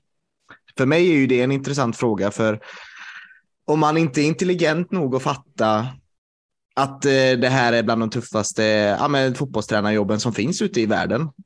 Då är han inte så speciellt intelligent. Eller trodde han att han skulle kunna sköta det? Eller han chockad bara över situationen han befinner sig i? Han ser ju så otroligt vilsen ut. Det, det är det som, är, eh, som gör att jag tror inte du kommer äta upp dina ord, Daniel. Jag tror inte det. Jag, nej, jag, jag tror jag, inte heller det. Nej, det. Sannolikheten är ju väldigt låg, nästan till mm. icke-existerande. Så Visste han, eller var det bara en ren chansning? Var det så här once in a lifetime, det här är min chans nu? Är det bara, alltså för mig, ja. det som, det, ja. det, alltså jag, jag, jag tror fortfarande, nej, nej, jag tror ju fortfarande att han är en bra fotbollstränare, men det måste vara en blandning av ren jävla oflyt till att liksom inte stjärnorna stod rätt eller någonting. Och att det inte bara var rätt tidpunkt för en sån här systemtränare för oss. Eh, det är väl det. För jag tror i ett, an, i ett annat universum, i ett alternativt universum så hade det där klaffat hur bra som helst. Ja, jag, vet inte, jag vill omformulera frågan lite grann. Jag vet inte om han hade han tagit jobbet om han visste att det här januarifönstret kom in. Jag säger inte att det såg jättebra ut, särskilt eh, innan dess heller. Alltså sista veckan där innan VM-uppehållet var inte kanonkul den heller. Men eh, det är ganska kaotiskt eh, transferfönster att ha att göra med. Men det, det kan jag säga att det kan avskräcka en tränare som honom. Men, mm. men, men ska vi nu börja skylla på att han har fått för mycket ja, det är, är, det, är det där vi landar ändå, Viktor? Ja, det, det, är synd om honom för han har fått för mycket bra talanger. Det, det är Nej, jag, jag, säger inte att det är en, en situation där man ska känna sympati, men jag vet inte om eh, det hade kunnat vara någonting som, om man kunde förutse det, om man hade tänkt annorlunda när han erbjöds jobbet. Det, jag måste bara säga en grej. Angående just de här, det kommer ju ut uppgifter från Matt Law där att det är många nya spelare som känner helt plötsligt en enorm press eh, på sina axlar och att eh, ja, men helt enkelt att pressen är alldeles för hög. Och det är också någonstans, precis som du var inne på Daniel, att eh, vi blev ju lovade att eh, han kan ju det här med human resources och ta hand om sina liksom, kollegor och anställda och skapa en bra grupp. Och eh, det låter ju verkligen inte som ehm, att eh, spelarna har kommit in rätt in i klubben. Det är ju enligt uppgifter av Matt Lowe, vi får ju ta den eh, rapporten för vad det är liksom någonstans. Men Sen om vi bara kollar på rent på alltså antalet, kvantiteten är ja, många. Sex spelare var det var i januarifönstret. Men när vi kollar till liksom, vilka är det som är superkvalitet egentligen? Är det bara Enzo Fernandes? Kanske. Frågetecken. Det är mycket talang, det är mycket potential. Um, jag vet inte, jag, jag, tror jag är lite inne på Viktors bana att det inte har skälpt honom, men eh, det är inte så att han har ju fått en ny elva direkt, utan de är våra bästa spelare är ju Reece James, N'Golo Kanté, Mason Mount när han är i form. Eh, liksom Silva. Det, det, och Silva, ja. Mm. Men, men, det, det, är ju men, de. Ja. Samtidigt så den här stommen har inte funnits i Chelsea på, alltså jag menar Mason Mount som du var inne på, det, man har ju läst mer om det här jävla kontraktet som ska signas mer än om hans prestationer på planen känns som. Det, det, det känns som att det är alldeles för få spelare som jag känner är, är en stomme i lag. Ja, det är Silva. Det är möjligtvis den spelare jag, en spelare jag kan bygga ett lag Men det finns ju ingen spelare egentligen, nu ger jag lite att Potter eh, försvar här, men vilka ska han bygga runt? Ja, James. Men det är de här skadorna igen. Liksom, kommer han, om han åker på en långtidsskada, vi säger till hösten igen, vilka ska han bygga runt? Vilka, Aspi försvinner säkert i sommar. Och menar, vi, har ingen mål, vi har inte samma sätt med målvakt längre, men du, det var inte den trygga spelaren som vi en gång trodde. Han, han står ju för tabbar, visst skadad nu, men han har inte varit lika bra. Det finns inte alls lika många spelare vi kan luta oss tillbaka mot och känna att de här kan vi bygga runt. Därefter kan vi successivt ta in de nya spelarna som därefter kan komma in i de här rollerna som vi redan har trygga spelare. Det finns inte mm. en enda position där ute förutom Silva och James som är stabila i sina positioner. Då är det fan inte enkelt heller att komma in i ett lag, tycker inte jag. Och det, alltså, jag tycker, jag tycker jag, det här är trams. Alltså, ja, men, fuck vad jag, inte, alltså, jag håller inte med det minsta. Alltså. Jag tycker det här är, det här är såna jäkla ursäkter. Alltså. Så ni menar att, att eh, man kommer in, att det är, lite, det är lite synd om Potter här för att han fick 350 miljoner pund att spendera i januari och det har gjort att det har varit lite svårt för honom. Vi pratar om ett lag som blir korade till världens bästa lag för ett år sedan. Som för ett och ett halvt år sedan vann Champions League och vi har inga spelare att bygga laget kring. Jag håller fortfarande med om att Thiago Silva är världsklasspelare och vunnit allt eh, som går att vinna där ute. Men att, att, att det skulle liksom vara, nej, det, det, jag tycker det här är ursäkter. Jag tycker det, mm. det här är, en bra tränare ska reda ut detta. Alltså ska reda ut åtminstone att ligga topp fyra. Jag säger inte att vi borde liksom vinna ligan och, och, och alla kupper och så vidare. Men, Men, inte ligga tia, inte två vinster på de senaste 15 matcher, kind of uselt. Det, det, det håller bara liksom inte. Vad, vad, vad gjorde Ten Hag när, när, när de förlorade med 4-0 Manchester United mot, eh, var det Brentford de förlorade 4-0 mot? Hjälp mig någon. Jag tror det var Brentford. Mm. Han tog ut alla spelarna dagen efter och tvingade dem spela 13,8 kilometer. Så tvingade dem att springa 13,8 kilometer för att det var det man hade sprungit för lite i relation till Brentford-spelarna. Och han var själv med och sprang, Ten Hag. Vad gör vår Potter? Ja, han ger dem ledigt dagen efter. efter alltså det är sådana kontraster så att det är... Ja, förlåt Patrik, jag ser du räcka upp handen. Nej, nej, nej, men du, nej, precis. Och det, det är självklart. Och det var väl, eh, alltså man ska ju kunna, liksom kunna leka med tankar och hålla, liksom kunna separera saker och ting. Världen är inte svart och vit så. Och jag, jag håller med angående det här. Eh, det var ju till och med efter ligacupfinalen nu i söndags då United slog eh, Newcastle så tränade de ju dagen efter också på måndagen mm. vet jag. Och då bara nej, det mm. finns ingen tid att vila här. Varför ska vi vila liksom? Och det är bara, ah, det är sån mentalitet och jag är nästan lite avundsjuk på, på den mentaliteten de har nu och United är liksom skrämmande tillbaka på något sätt. Och du vet, för första gången känner jag att United is back. Det här 0-0 eh, United som jag hade enorm respekt för när jag växte upp. Men eh, jag menar mer alltså att den här, man har ju pratat mycket om att man har haft en ganska jobb, eller det, här, det här sommarfönstret var ju inte hans fönster. Det var ju Tuchel eh, slash Bowleys fönster kan man väl säga. Så han fick ju, han jobbar ju med spelare som inte är hans profil. Ja, och ta, du kan tolka detta som ursäkter Donny, men samtidigt så har han inte heller fått den pressen på att vinna heller. Jag tror i, om vi spolar tillbaka typ tre, fyra år och om det hade varit Abramovic så självklart hade tränaren blivit sparkad vid detta tillfället. Men då hade också målet med den säsongen varit att vinna titlar. Silverware, det var, hade varit det enda att handla om. Vi lekte ju med tanken här, vad var det innan fulla matchen eller var det efter fulla matchen precis när fönstret stängde? Så sa vi att men vad fan, ska vi kanske vaska denna säsongen bara för att bygga ihop en trupp och en stomme lite det som Linus är ute efter. Och nu sitter vi där och kanske har lekt, kanske Potter har lekt med den tanken alldeles för mycket. Eh, och vi, det ser ut, faktiskt ut som att vi vaskar säsongen på riktigt då för att bygga upp en stomme inför nästa säsong.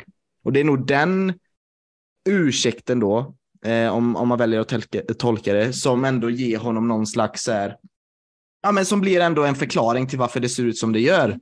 På något sätt att man inte, man vill testa olika spelare, man vill testa olika system för att se vad det är som fastnar och funkar. Men hade målet var att vinna titlar, vinna matcher, då tror jag man hade precis gjort så som du sa med Maluda, eh, med eh, Ziyech också. Man hade skippat iväg honom med U20-laget och man hade bara hållit sig till 15-16 spelare och byggt en stark elva och en stark spelidé. Men jag, jag, tror inte det är det Potter och Bowley har kommit överens om. Det är, bara, det är det jag tror liksom. Men nu är det så att vi fans är trötta på att se det här experimentet. Alltså, jag tycker att det blir löjliga argument när man säger, när man pratar i de termerna, att han inte har fått eh, sina spelare, att han inte har fått eh, tid att spela ihop laget, att eh, det här handlar om att testa sig fram och så vidare. Visst, men, men alltså, det får inte se så här dåligt ändå. Jag kan inte tänka mig att någon tränare i hela världen får chansen att, vet du vad, du får komma in i mitten av säsongen förvisso. Vad hade Potter skramlat ihop? En 10 poäng, förutom de, utan de där 10 poängen som, som eh, förlåt, vad hade Tuchel skramlat ihop? En 10 poäng innan Potter kom. För utan de där 10 poängen som han hade skramlat ihop så hade det sett ännu värre ut. Men alltså tänk dig då att du får chansen att så här är det, det här laget du har. Och i somras så varvade vi Wesley Fofana, som du känner till, från ligan sedan tidigare. Vi har snott din bästa spelare förra året, Marco Curella, som du ville ha. Det vet vi om. Dessutom har vi fyllt på med en av Premier Leagues bästa spelare, Him Sterling, och italienska Serie A's bästa spelare, Calibou Koulibaly. Till det så har vi kryddat med ett gäng ungdomar. Ja, du kan spela dem hur du vill. Och vi tog in eh, Aubameyang också. Han är ju liksom ändå eh, Premier League-proven. Och att någon skulle säga, nej, vet du vad? Jag passar. Jag vill hellre ha mina spelare.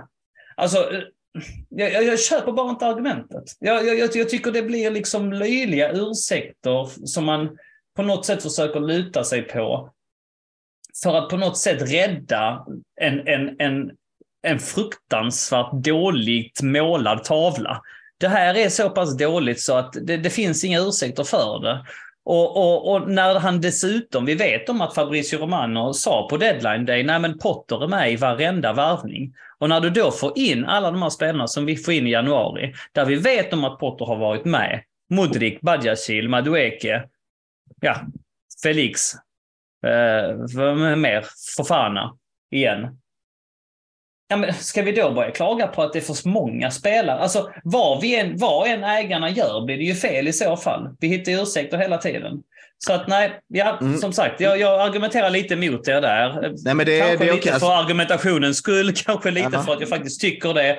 Återigen, jag vill verkligen att det ska funka med Potter, men jag tycker det är så pass dåligt så jag ser inte det hända. Och Linus, du får gärna replikera här alltså.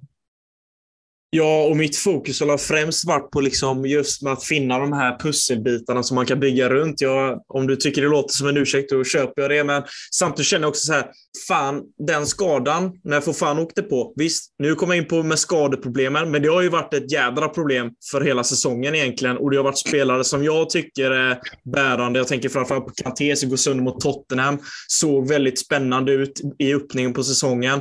Och Fofana gjorde mål där i Champions League. Såg också spännande ut. Åker på den här jädra skadan. Jag tror tillsammans med Kanté och Fofana, om de hade varit med under den här processen, så tror jag också att de hade nog vuxit bättre in i sina positioner än hur det har sett ut. För det har ju varit, som du säger, det har ju varit katastrof. Det har ju varit förjäkligt helt enkelt. Och det är, mer än så kan vi inte säga, men, men skademässigt har vi inte haft tur. Men mm, det, det finns mycket att jobba på. Men så, så tycker jag att från båda sidor. Visst, det finns ursäkter, det finns saker och ting som måste, med det materialet han haft, man ska inte kunna göra så här dåliga resultat. Men eh, uppenbarligen har inte gruppen kunnat gå samman under Potter och det han har lovat att han kan sätta upp en grupp och jobba tillsammans. Det har han inte lyckats med och det ser man ju på planen. Det är ingen som, de, de spelar inte riktigt som ett lag. Det är ju individer som mm som försöker, men det går inte. Det finns ingen direkt som de kan luta sig mot, förutom Silva. För när han är med så tycker jag faktiskt att det finns en trygg punkt där Chelsea ändå, ja, men det, här, där, där har vi någonting vi kan luta oss tillbaka mot. Men samtidigt så är det ju ytterligare... Det, det, det är ändå hoppfullt, Linus. Han är bara borta sex veckor. Ja, exakt. Det håller med. Det, det, det är hoppfullt. Men samtidigt är det så här. Ja, nu ska ju resten av den här jädra gruppen lösa den här uppgiften och då ska vi vidare i Champions League. Alltså det, det är liksom en sån sak som Potter sitter och tänker på nu. Han måste ju vidare i Champions League för på något sätt kunna rädda sitt jobb som inte egentligen jag ser att han ska kunna. Men jag menar, löser han det med det här materialet utan en Silva? Kanske vi säger att det är Fofana tillsammans med Badia Chile. Han får i och för sig inte spela, va? Om inte jag missminner mig. Får han vara med? Nej, inte nej, Precis, nej, då blir det, då blir det Koulibaly och Fofana antagligen. Löser han den uppgiften, Ja, jag vet inte. Det, det, är så jävla svår situation att sitta och Alltså det är två kring. jävligt bra mittbackar. Alltså det är klart han ska lösa det. Vad är det vi... Ja, det, det, det, är någonstans ja. det här, det är någonstans det här jag vill eh, nämna också. Att jag är, jag måste vara jättetydlig. Jag var ju väldigt tydlig efter Southampton-matchen att för mig personligen så räcker det nu. Jag, ja, ja. För, mig, för mig räcker det liksom. Men samtidigt så ska diskussionen tas och försöka vara nyanserad. Och jag tror den största anledningen var att det inte varit pressen på honom att vinna titlar. Det har inte varit pressen att vinna, utan det har varit mer att ja, men, försöka stryka supporterna medhårs med resultaten, men det har han inte heller lyckats med. Men vi, vi pratar ju om det också efter, eh, vi har pratat om det flera gånger när vi har nämnt Graham Potters namn, att han är en tränare som gör väldigt många mediokra spelare till, ja men ser ut att bli väldigt, alltså väldigt bra. Så spelarmaterialet ska ju inte vara ett problem. Herregud, det är inte så att vi har Alltså vi har inga, vi har inga skitspelare direkt i truppen. Det, alltså kom igen nu. Det, det, det, jag tycker att även om vi hade viss eh, Kanté, Rhys James, Fofana, många nyckelspelare skadade så ska det fortfarande se bättre ut. Och det, det, det måste jag vara tydlig med att det är det jag tycker. Men samtidigt så har han inte den pressen på sig att vinna en titel, utan jag tror allting handlar om nästa säsong. Men han har inte köpt sig själv den respekten eller det förtroendet från oss supportrar eller som det ser ut som nu ledningen heller som förtjänar honom att få nästa säsong. Eh, att visa upp vad han verkligen går för nu då, om det är så. Så det är det jag tror bara att det blev, att han, det var inte den här stora pressen på honom eh, från ledningens håll, men vi supportrar, majoriteten, vill inte se mer. Och nu verkar det som att inte ledningen heller vill se mer, för de ser ingenting som har blivit bättre. Och det, ja, det är väl den verkligheten jag tror vi lever i. Ja, alltså jag förstår ju att, eh, eller jag och kan ju hålla med att både prestationer och resultat eh, borgar ju för att eh, man får, man får sparken i ett sånt här läge. Det, det räcker inte om man är Chelsea-tränare. Eh, alltså det är så många förluster redan den här säsongen. Alltså man, man känner ju inte igen resultatraden när det står sju i förlustkolumnen i ligan. Liksom. Men samtidigt så längtar jag lite grann efter en situation där, eller ett Chelsea där sådana här svackor inte enbart löses genom att kicka tränaren. Och sagt, nu är det sämre än på väldigt, väldigt länge. Men att eh, så här, bommar vi topp fyra så kan vi i mitt tycke lika gärna missa Europaspel helt och hållet. Eh, alltså jag hatar ju den situation vi har varit i de senaste säsongerna där en topp fyra placering har varit liksom en av de stora målsättningarna när vi går in i ligaspelet. Det, det tycker jag inte alls om och det, det är väldigt få gånger sen, sen Antonio Conte vann ligan åt oss som eh, vi vi alls varit med och utmanat. Och för det är någonting annat att, att utmana ligatiteln än att vinna några kupper här och där. Eh, och sagt, med, med det sagt så var ju Porto en, en jättehäftig grej och en av klubbens absolut största stunder. Men kuppspel är ju någonting annat.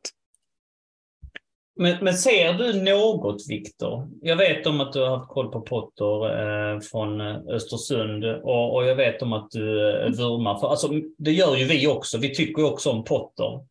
Eh, men ser du något i hans tränarprofil? Ser du något på de här första, vad är det, åtta, nio månader snart, som han har varit i Chelsea, som som vi kan ta fasta på. Att det här kan vi bygga vidare på till nästa säsong. Han har åtminstone detta. Förstår du vad jag menar? Vi, vi har gått igenom så många bitar nu som är undermåliga. Mm. Dåliga presskonferenser, konstiga laguttagningar, konstig matchcoachning. Varför tog det till den 83 minuten mot Tottenham-matchen innan han bytte in Mudrik och Aubameyang? Eh, som sagt, dålig uppställda på, dålig taktik, dålig på fasta situationer, kan inte vända en matchbild. Eh, ursäkter. Kan inte ingjuta, du har sett videorna på Twitter när de, när de ska gå, gå ut inför match, när Aspilicueta försöker klappa igång dem och ja, resten av laget lullar fram liksom. Verkar inte kunna ena gruppen, verkar inte kunna motivera gruppen. Ser, ser du något som vi andra inte ser, eh, som vi kan ta fasta på, som kan göra detta till en bra nästa säsong? För jag ser Nej, alltså jag ska inte framhålla att eh, jag har något fotbollsöga som eh, slår ut alla andra panelmedlemmar eller alla CSS på den gruppen. För så är det absolut inte. Att det sitter här med någon... Nej, men jag undrar om det är någonting jag missar. Liksom. nej, men, och, och, det tycker jag Patrik har varit duktig på att lyfta så konsekvent i, i podden under, under säsongens gång. Att det är väldigt lite ta fasta på liksom på, på Potters träning, eller att, att han har, har ju misslyckats med att sätta sin prägel på laget. Utan egentligen så det är ju hans tidigare tränargärning i, i Brighton, i Swansea, i, i Östersund som, eh, ja, alltså där min eh, där, alltså min beundran för, för honom som fotbollstränare kommer ifrån. För han har inte alls visat upp till, till den graden i Chelsea. Och det, det, det, är ju här i höstas med, med Champions League-spelet merparten av de här ljusglimtarna har kommit och det är ju ganska länge sedan.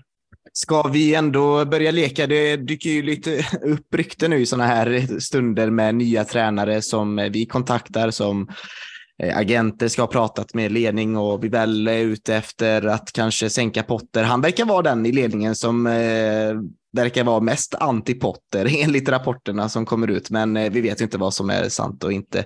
Eh, alltså vår tekniska direktör Kristoffer Vivell. Men eh, det ska ju tydligen eh, kommit ut eh, lite info från Fotboll Insider då som eh, att Chelsea har kontaktat Maurizio Pochettino Ehm, för att kanske ta över efter Graham Potter och bygga vidare detta Chelsea, ja, vad blir det, 72.0. Eh, men ehm, Donny, du reagerade lite eh, halvpositivt till den nyheten, medan jag vet, jag själv och många andra fans eh, ser ju honom lite som en a bottler, en liten loser och speciellt när han har suttit och förknippas så starkt med oss anglofiler med Tottenham Hotspur så tycker jag verkligen inte att han hör hemma hos oss. Mm. Ja, och då, eh, det, det, kan man ju tycka. Um, om man, om man backar det på något annat sätt än att han liksom bara har tränat Tottenham, att man inte gillar honom för den sakens skull. jag tycker inte han lyckades bra i PSG heller, alltså faktiskt. Så. Mm. Jag ser ingen stor, eh, jag, jag vet inte, det, det finns ju namn det, det man, som... Mm. Det man ser med Pochettino är att han ger eh, sällan en dålig presskonferens. Han har väldigt bra eh, analyser av matcher. Eh, han är väldigt vältalig. Eh, och likt eh, Tuchel när han kom in i Chelsea så sipprar det ut liksom eh, en del träningsmetoder som är revolutionerande. Pochettino var väldigt tidig med drönare på träningar till exempel och lutar sig på statistik, eh, videogranska sina träningar, dra linjer, eh, fånga spelarna efter träningar för att eh, visa hur de har gjort på storbildsskärm och så vidare med, med datorchip. En väldigt avancerad teknologi. Det gjorde han redan i Southampton och det följde han upp med i Tottenham. Eh, likadant så kom ju det ut när, när Tuchel tog över om att han hade börjat spela med små bollar. Alltså, jag säger inte att, att, det, att man ska video, eh, alltså filma sina träningar så är man automatiskt en bra tränare eller att man ska gå och, och, och, spela med, med storlek två eller tre i bollar och så helt plötsligt så blir man en bra tränare. Men jag, jag tycker att det sänder ut en viss signal om lite change management, lite revolutionerande idéer, eh, lite framåtanda från Potters träningar har jag inte hört någonting om att de skulle på något sätt vara liksom mycket bättre eller sämre än, än något annat.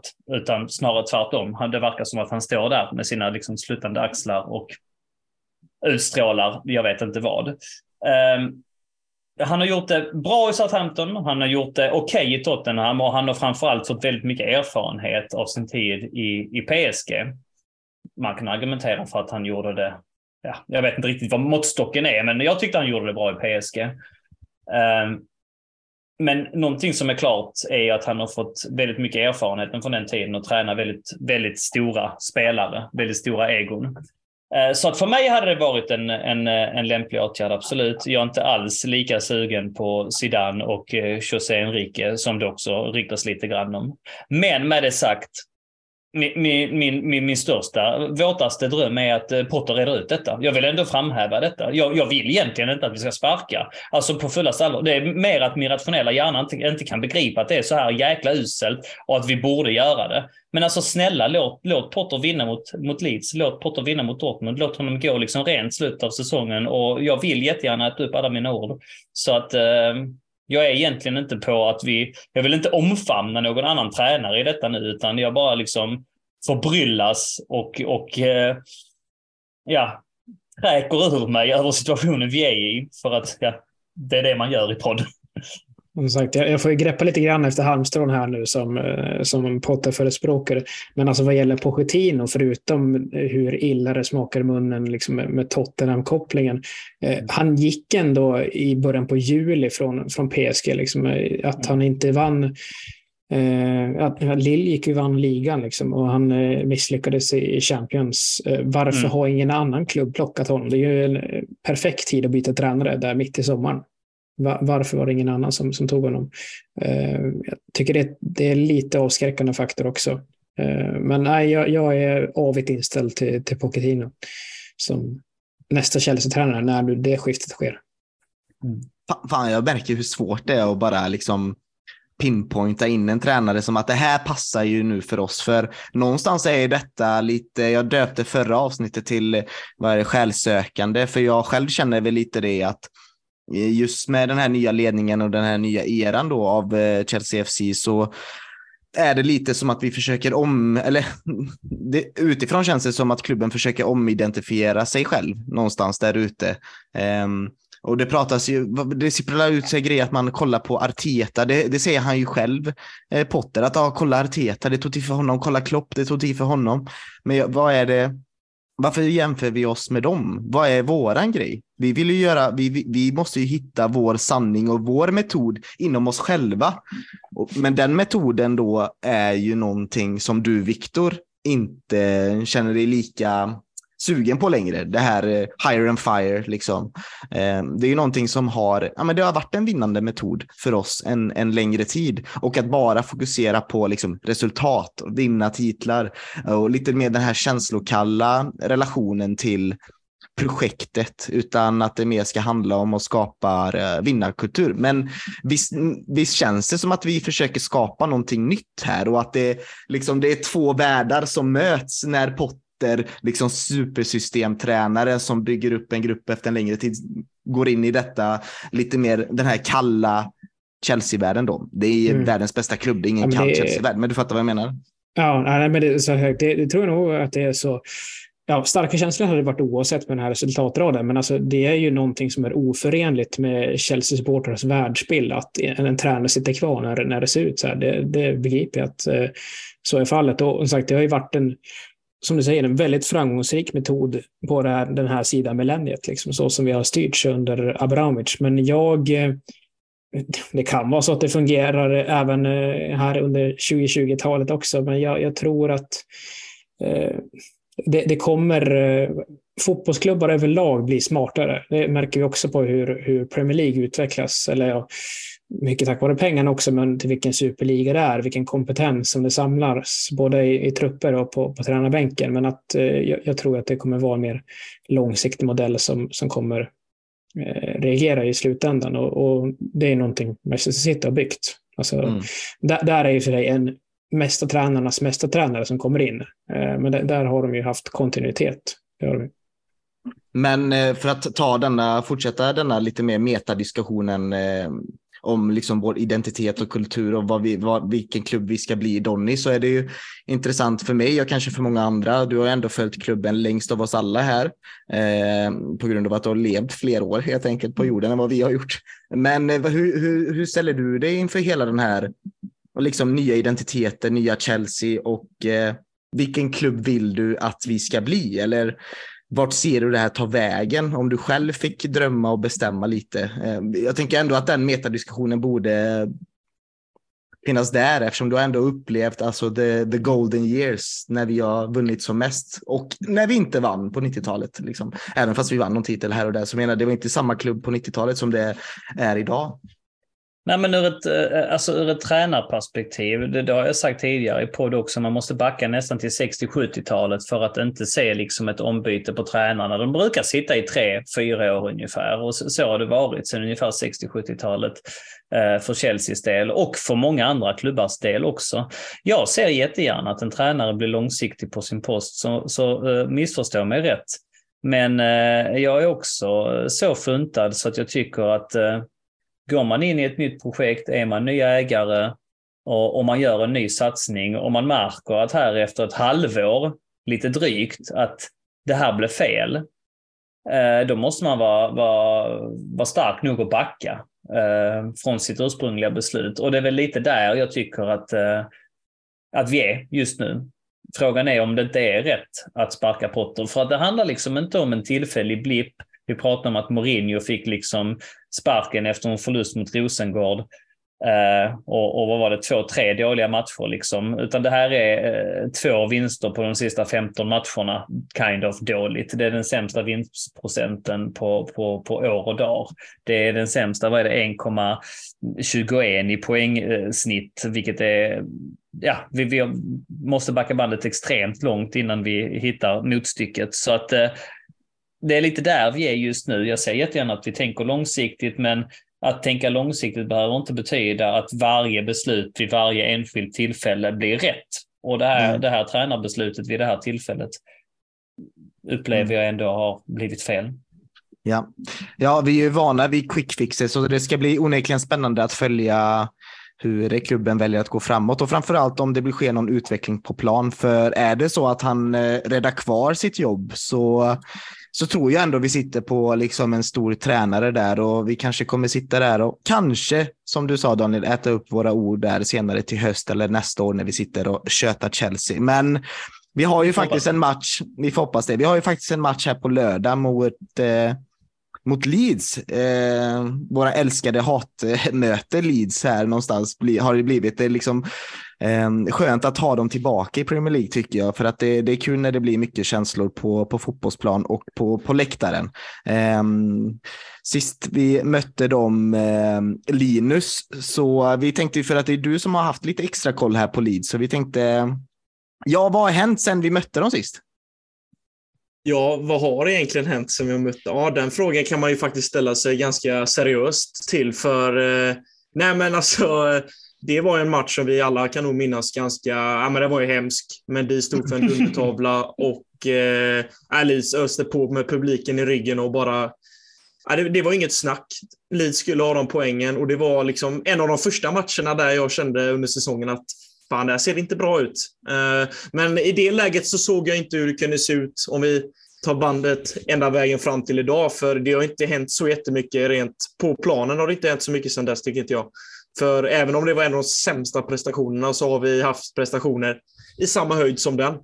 Men mm. Eh, om vi ska fokusera lite mer på matchen så är det ju som sagt, som vi varit inne på, det är en, det är en speciell drabbning mellan dessa två lagen med all historia och, eh, som ligger bakom. Och, eh, ja, det är två lag som är i behov av poäng, det vet vi. Det har vi pratat om varje match. Det är tre poäng som gäller. Men nu är det på Stamford Bridge och eh, tre poäng, det är nog extra viktigt för Potter på lördag. Och jag tror att eh, ska han på något sätt ha chans att rädda det här jobbet så är det bara det som gäller. Det är, nu finns det inga slags undanflykter. Men eh, om vi ska kolla till Leeds säsong så har inte heller det varit någon vacker historia. De har gått tungt. De ligger på en 17 plats. Sparkade ganska nyss sin tränare Jesse March eh, och ersatte honom med Javi Garcia. Så vi får ju se. Det är ganska färskt. 21 februari anslöt han till klubben, så man har inte riktigt kunnat se några tydliga mönster i Leeds spel heller. Och eh, spontana känslor kring Leeds och det man har sett under säsongen är ju att det är ett lag som har vacklat väldigt mycket, men har under januari ändå plockat in lite intressanta spelare som jag tycker är framförallt McKennie från eh, Juventus. Det är ju en bra mittfältare i mina ögon. Och tillsammans med Adams där inne i mitten, eh, två eh, amerikanare, så tror jag faktiskt att eh, det kan nog rätta till sig för Leeds i sista delen av säsongen att de klarar ett kontrakt, men det är ju otroligt jämnt mm. där nere. Och de har ju mycket att spela för och det har vi också. Så kan att, vi bara stanna där lite? Är inte det coolt att Premier League ändå har den magnetismen nu? Att liksom mm. Leeds kan locka till sig Weston McKennie. Är inte det rätt häftigt ändå? Eller det, jo, det kan ju vara också jo. både sjukt och häftigt. Och, alltså liksom, vad är det för, eh, vi lever ju i någon slags superliga nu, men det är, det är otroligt sjukt att Leeds kan göra detta. Liksom.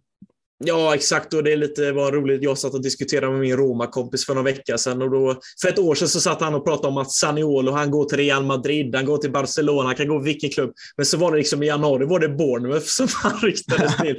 och, det av, och det var ju någonting han sa nej till sista veckan, så det var ju någonting Roma hade godkänt. Så jag menar, och Roma är ändå ett ganska bra lag i Serie A, även om de har haft upp och ner så ligger de i toppen. Så jag menar, det säger också någonting av att alla lagen i Premier League kan gå och plocka av stora lag ute i Europa och det är ju fräckt. Och samtidigt som du säger, det är ju nästan som en superliga vi har för att eh, varje lag har nästan en sån här spännande superstjärna på något sätt som definitivt kunde varit ett storlag i ett annat land runt om i Europa. Så det håller jag med om. Mm. Och vi är sämst i den ligan just nu. Men ja, fortsätt. Uh, ja, ja det, uh, ska jag tillbaka, jag får lite fokus här bara. Uh, Nej, nej, det var jag som tappade. Uh, men som sagt... det är så kul, kul rap på den. Och så här, fantastisk liga. Ja, vi kan attrahera. Bournemouth kan attrahera spel. Ja, och så. Patrik bara, ja, och förresten, vi är sämst ja. i den ligan. Ja, Linus, fortsätt. Ja. Det är ganska... Det är skönt. Sämst i klassen. Ja, exakt. Det är fan alltså. Han längst bak som aldrig lär sig någonting. Det är lite känns just nu.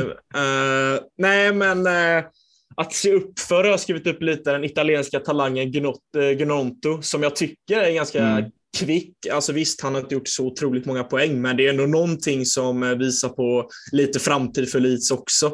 Och sen jag var inne på, McKennie och Adams är ett stabilt innermittspar. Kör med 4-3 så blir det antagligen Rocka bredvid de tre.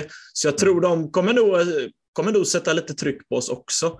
Men eh, målvakten har jag alltid gillat med CR. Jag, jag var osäker när de kom upp i Premier League att det här är för en tunn målvakt, men jag tycker att han har, gått, han har varit bra i Premier League. Han har ändå varit en av de viktigare spelarna i laget.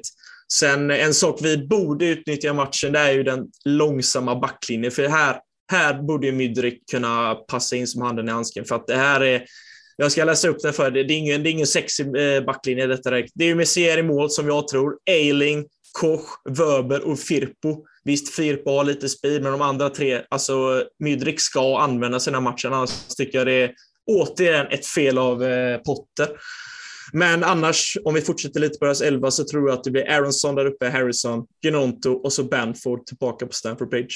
Och mm. våran elva är ju lite svårare, men jag sätter Kepa, James, Badia Chile, Fofana, Chilwell, Enzo, Kovacic, Sterling, Joao Felix, Mydrik och så längst upp, ja, det får bli Havertz. Jag, jag vet inte riktigt vad vi ska sätta där, men eh, det får bli så. Och om vi kommer till skadorna, framförallt för Leeds sida, så är det ju Rodrigo, eh, Forshow, Stroik kan vara tillbaka osäkert och Dallas då.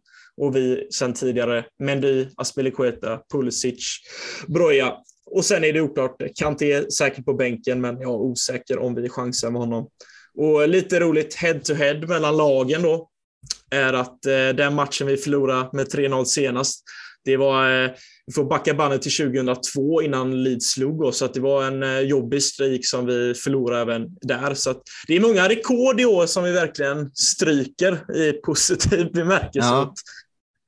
Så att, men vad sa du? Nej, men Graham Potter kan vara med och skriva ny historia här nu faktiskt på lördag. Mm. Det är att om Leeds eh, slår oss så är det, är det första gången sedan eh, kampanjen 91-92 som eh, Leeds har slått oss i båda omgångarna i samma säsong. Så Potter, ja, det finns fler historiska rekord här att, mm. att ja. hämta hem. Och det var det så 15 som gjorde dubbeln för första gången sedan 87-88? Eller? Exakt. Mm. Ja. Jajamän. Ja. Det är fantastiskt. Men eh, om vi kommer till eh, rent resultatmässigt så har ju Chelsea 38, 37 vinster, Leeds 40 och så har det varit 30 lika matcher genom åren. Så det är ganska jämnt eh, om vi kollar till resultaten genom alla tider. Men eh, på planen så jag, jag tycker det här kan bli...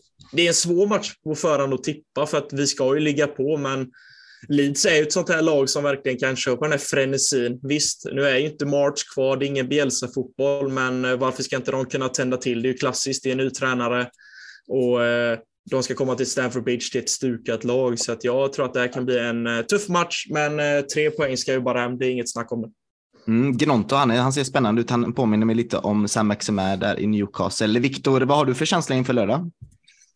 Eh, ambivalent, eh, ska jag säga. Det, eh, det är ju fortfarande Leeds vi möter, men så, att, eh, så de ska väl kunna slå, men så tänkte man innan sa 15 också. Eh, så att eh, sen, ja, det, det är ingen som kommer be det av mig, men eh, jag har ju fortfarande aldrig tippat en Chelsea-torsk, så det kan jag inte göra nu heller. Nej, okej, okay. men vad, eh, har du några, alltså, vi, var, vi har varit inne på det att eh, jag tycker vi, vi, har pratat väldigt bra saker i den här podden och vi har, det har diskuterats och vi har spritt, eh, liksom, vi har verkligen öppnat våra hjärtan så att säga och ni alla vet hur vi känner nu och jag antar att många ni där hemma som sitter och lyssnar eller om ni sitter i bilen eller om ni duschar eller vad ni nu gör eh, håller med om mycket det som har sagts här. Men det här med att sätta en elva, det tror jag nog många eh, fans och supportrar hade velat se. Tror du att vi kommer få se rotation på något sätt eller tror du man kommer få köra på, på en liknande elva som Linus sa där precis? Nej, den känns eh, realistisk. Eh, sen känns det känns som en match där Sterling skulle kunna gå loss. Det, jag vet inte, hade vi ens en målskytt i fjol som kom upp på double digits? I alla fall, sätter Sterling ett hattrick på Leeds så han är uppe på tio baljor. Så det, det hade jag gillat att se. Mm. Donny, vad, vad har du för känsla? Hur är ditt hat förresten mot Leeds? Eller hur är dina känslor kring Leeds? Uh, nej, men jag, jag har ju lärt mig att hata dem om man säger så. Uh, jag, de här stora matcherna på liksom eh, 60-70-talet, de har ju inte jag sett uh, för att jag var inte född då. Men jag har ju alltid varit uppväxt med att man inte tycker om dem liksom. Och jag, när jag började följa Chelsea eh, mer noggrant sent 90-tal, då var ju Leeds i högsta divisionen och då var det ju många heta drabbningar med dem. Sen så har de ju varit utanför högsta divisionen i 20 år, så att det har ju svalnat med, under den tiden givetvis. Men eh, eh nej, alltså det är fantastiskt, eh, eh fantastisk rivalitet och jag har ju läst mycket om, om eh, historien mellan lagen och även haft förmånen att se en match på plats på eh, Ellen Road då, Uh, riktig skitarena i Leeds när, när, när Chelsea mötte Leeds i ligacupen. 4-1 tror jag det blev. 4-1 even Torres scored. Uh, sjöng de. Um, mm. Så att, uh, nej men det, det är ju, jag ser fram emot den här matchen och som ni har varit inne på så hoppas vi givetvis alltid på en vinst. Jag var lite nyfiken Linus, eh, för du drog in Kovacic där i startuppställningen. Mm. Har du någon färsk rapport på honom? För han missade förra matchen på grund av sjukdom var det va? Mm. Men jag har, inte hunnit, jag har inte kunnat läsa mig till att han skulle ha rehab. Har han tränat Vet du något uh, där? Jag, jag är liksom... Nu spelas det här ju in. Det kommer att vara presskonferens imorgon, ja, eh, fredag. Vi spelar in detta torsdag kväll, så det lär vi väl veta. Men vet du något här och nu? Nej, det var exakt det problemet var lite där med att inte presskonferensen äh, har, mm. har varit än. Så jag kollar runt lite på olika sidor och jämförde. Och det, ingen säger att Kovacic ska missa matchen. Äh, så jag hoppas, det hade ju varit kul att få se han med Enzo verkligen på hemmaplan mm. och äh, bara ösa på framåt. Men som sagt, jag vet inte mer än att att han ska vara med. Men vi får Nej. se på presskonferensen som sagt. Annars mm. Zakaria där hade väl kunnat, ja. eh, alltså hellre Zakaria än Rubens Loftus-Cheek i alla fall. Nu är jag trött på honom. För alltså nu mm. när han, nej, det, det räcker. Han blir aldrig något. Kom igen.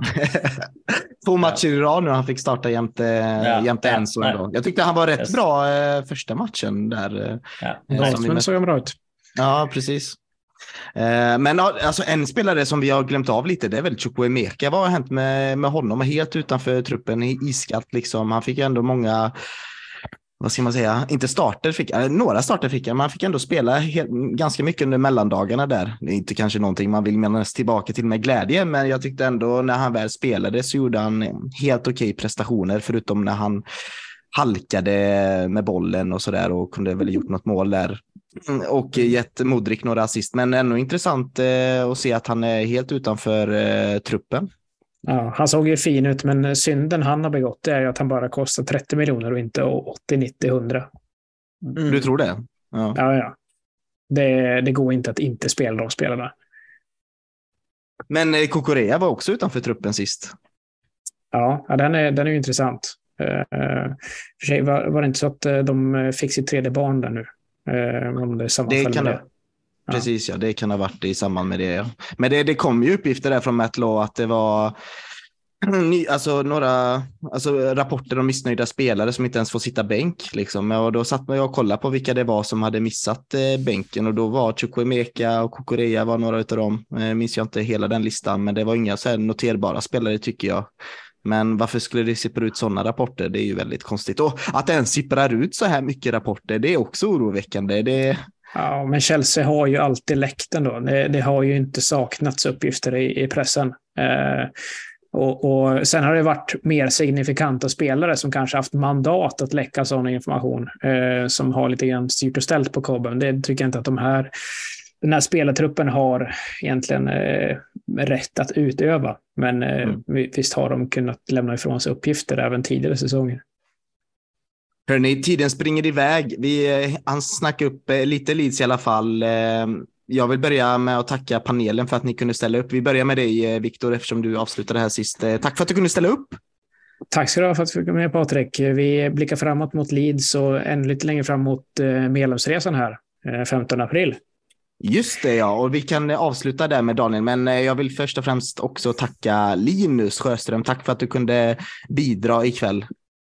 Ja, men tack detsamma. Det, det blir långa diskussioner och det är extra roligt när vi kan vara så många idag också. Så det, det blir alltid lika roligt tycker jag också när Daniel kan vara med också. För att det, det blir heta diskussioner och jag tycker det, man taggar till och då blir man ännu mer skärpt i hjärnan. Så att jag tycker det, ja, det, det, är ex, det är som en liten extra krydda på det hela.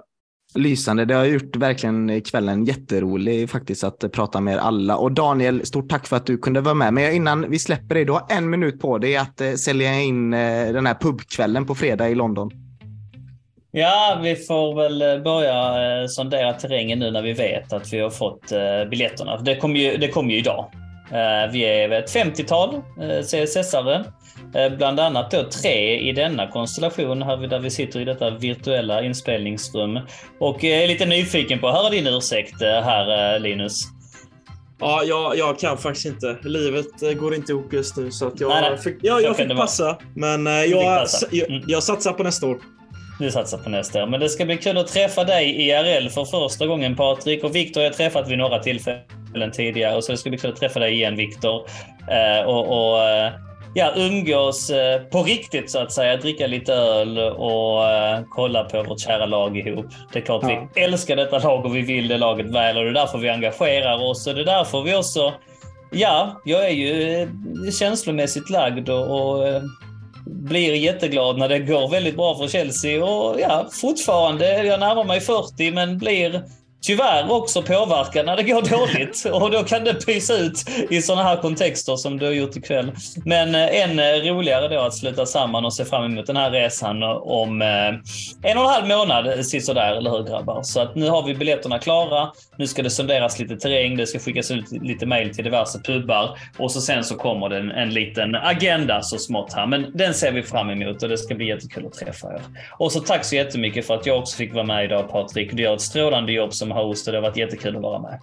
Tack så jättemycket. Och gillar du vad vi gör och eh, våra avsnitt så lämna gärna fem stjärnor i de poddapparna du lyssnar på och eh, kommentera gärna dagens avsnitt i vår eh, kära Facebookgrupp CSS-podden.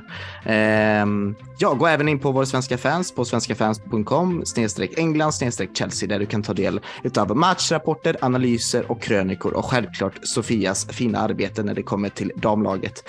Eh, stort tack till dig som har lyssnat. Keep the blue flag flying high.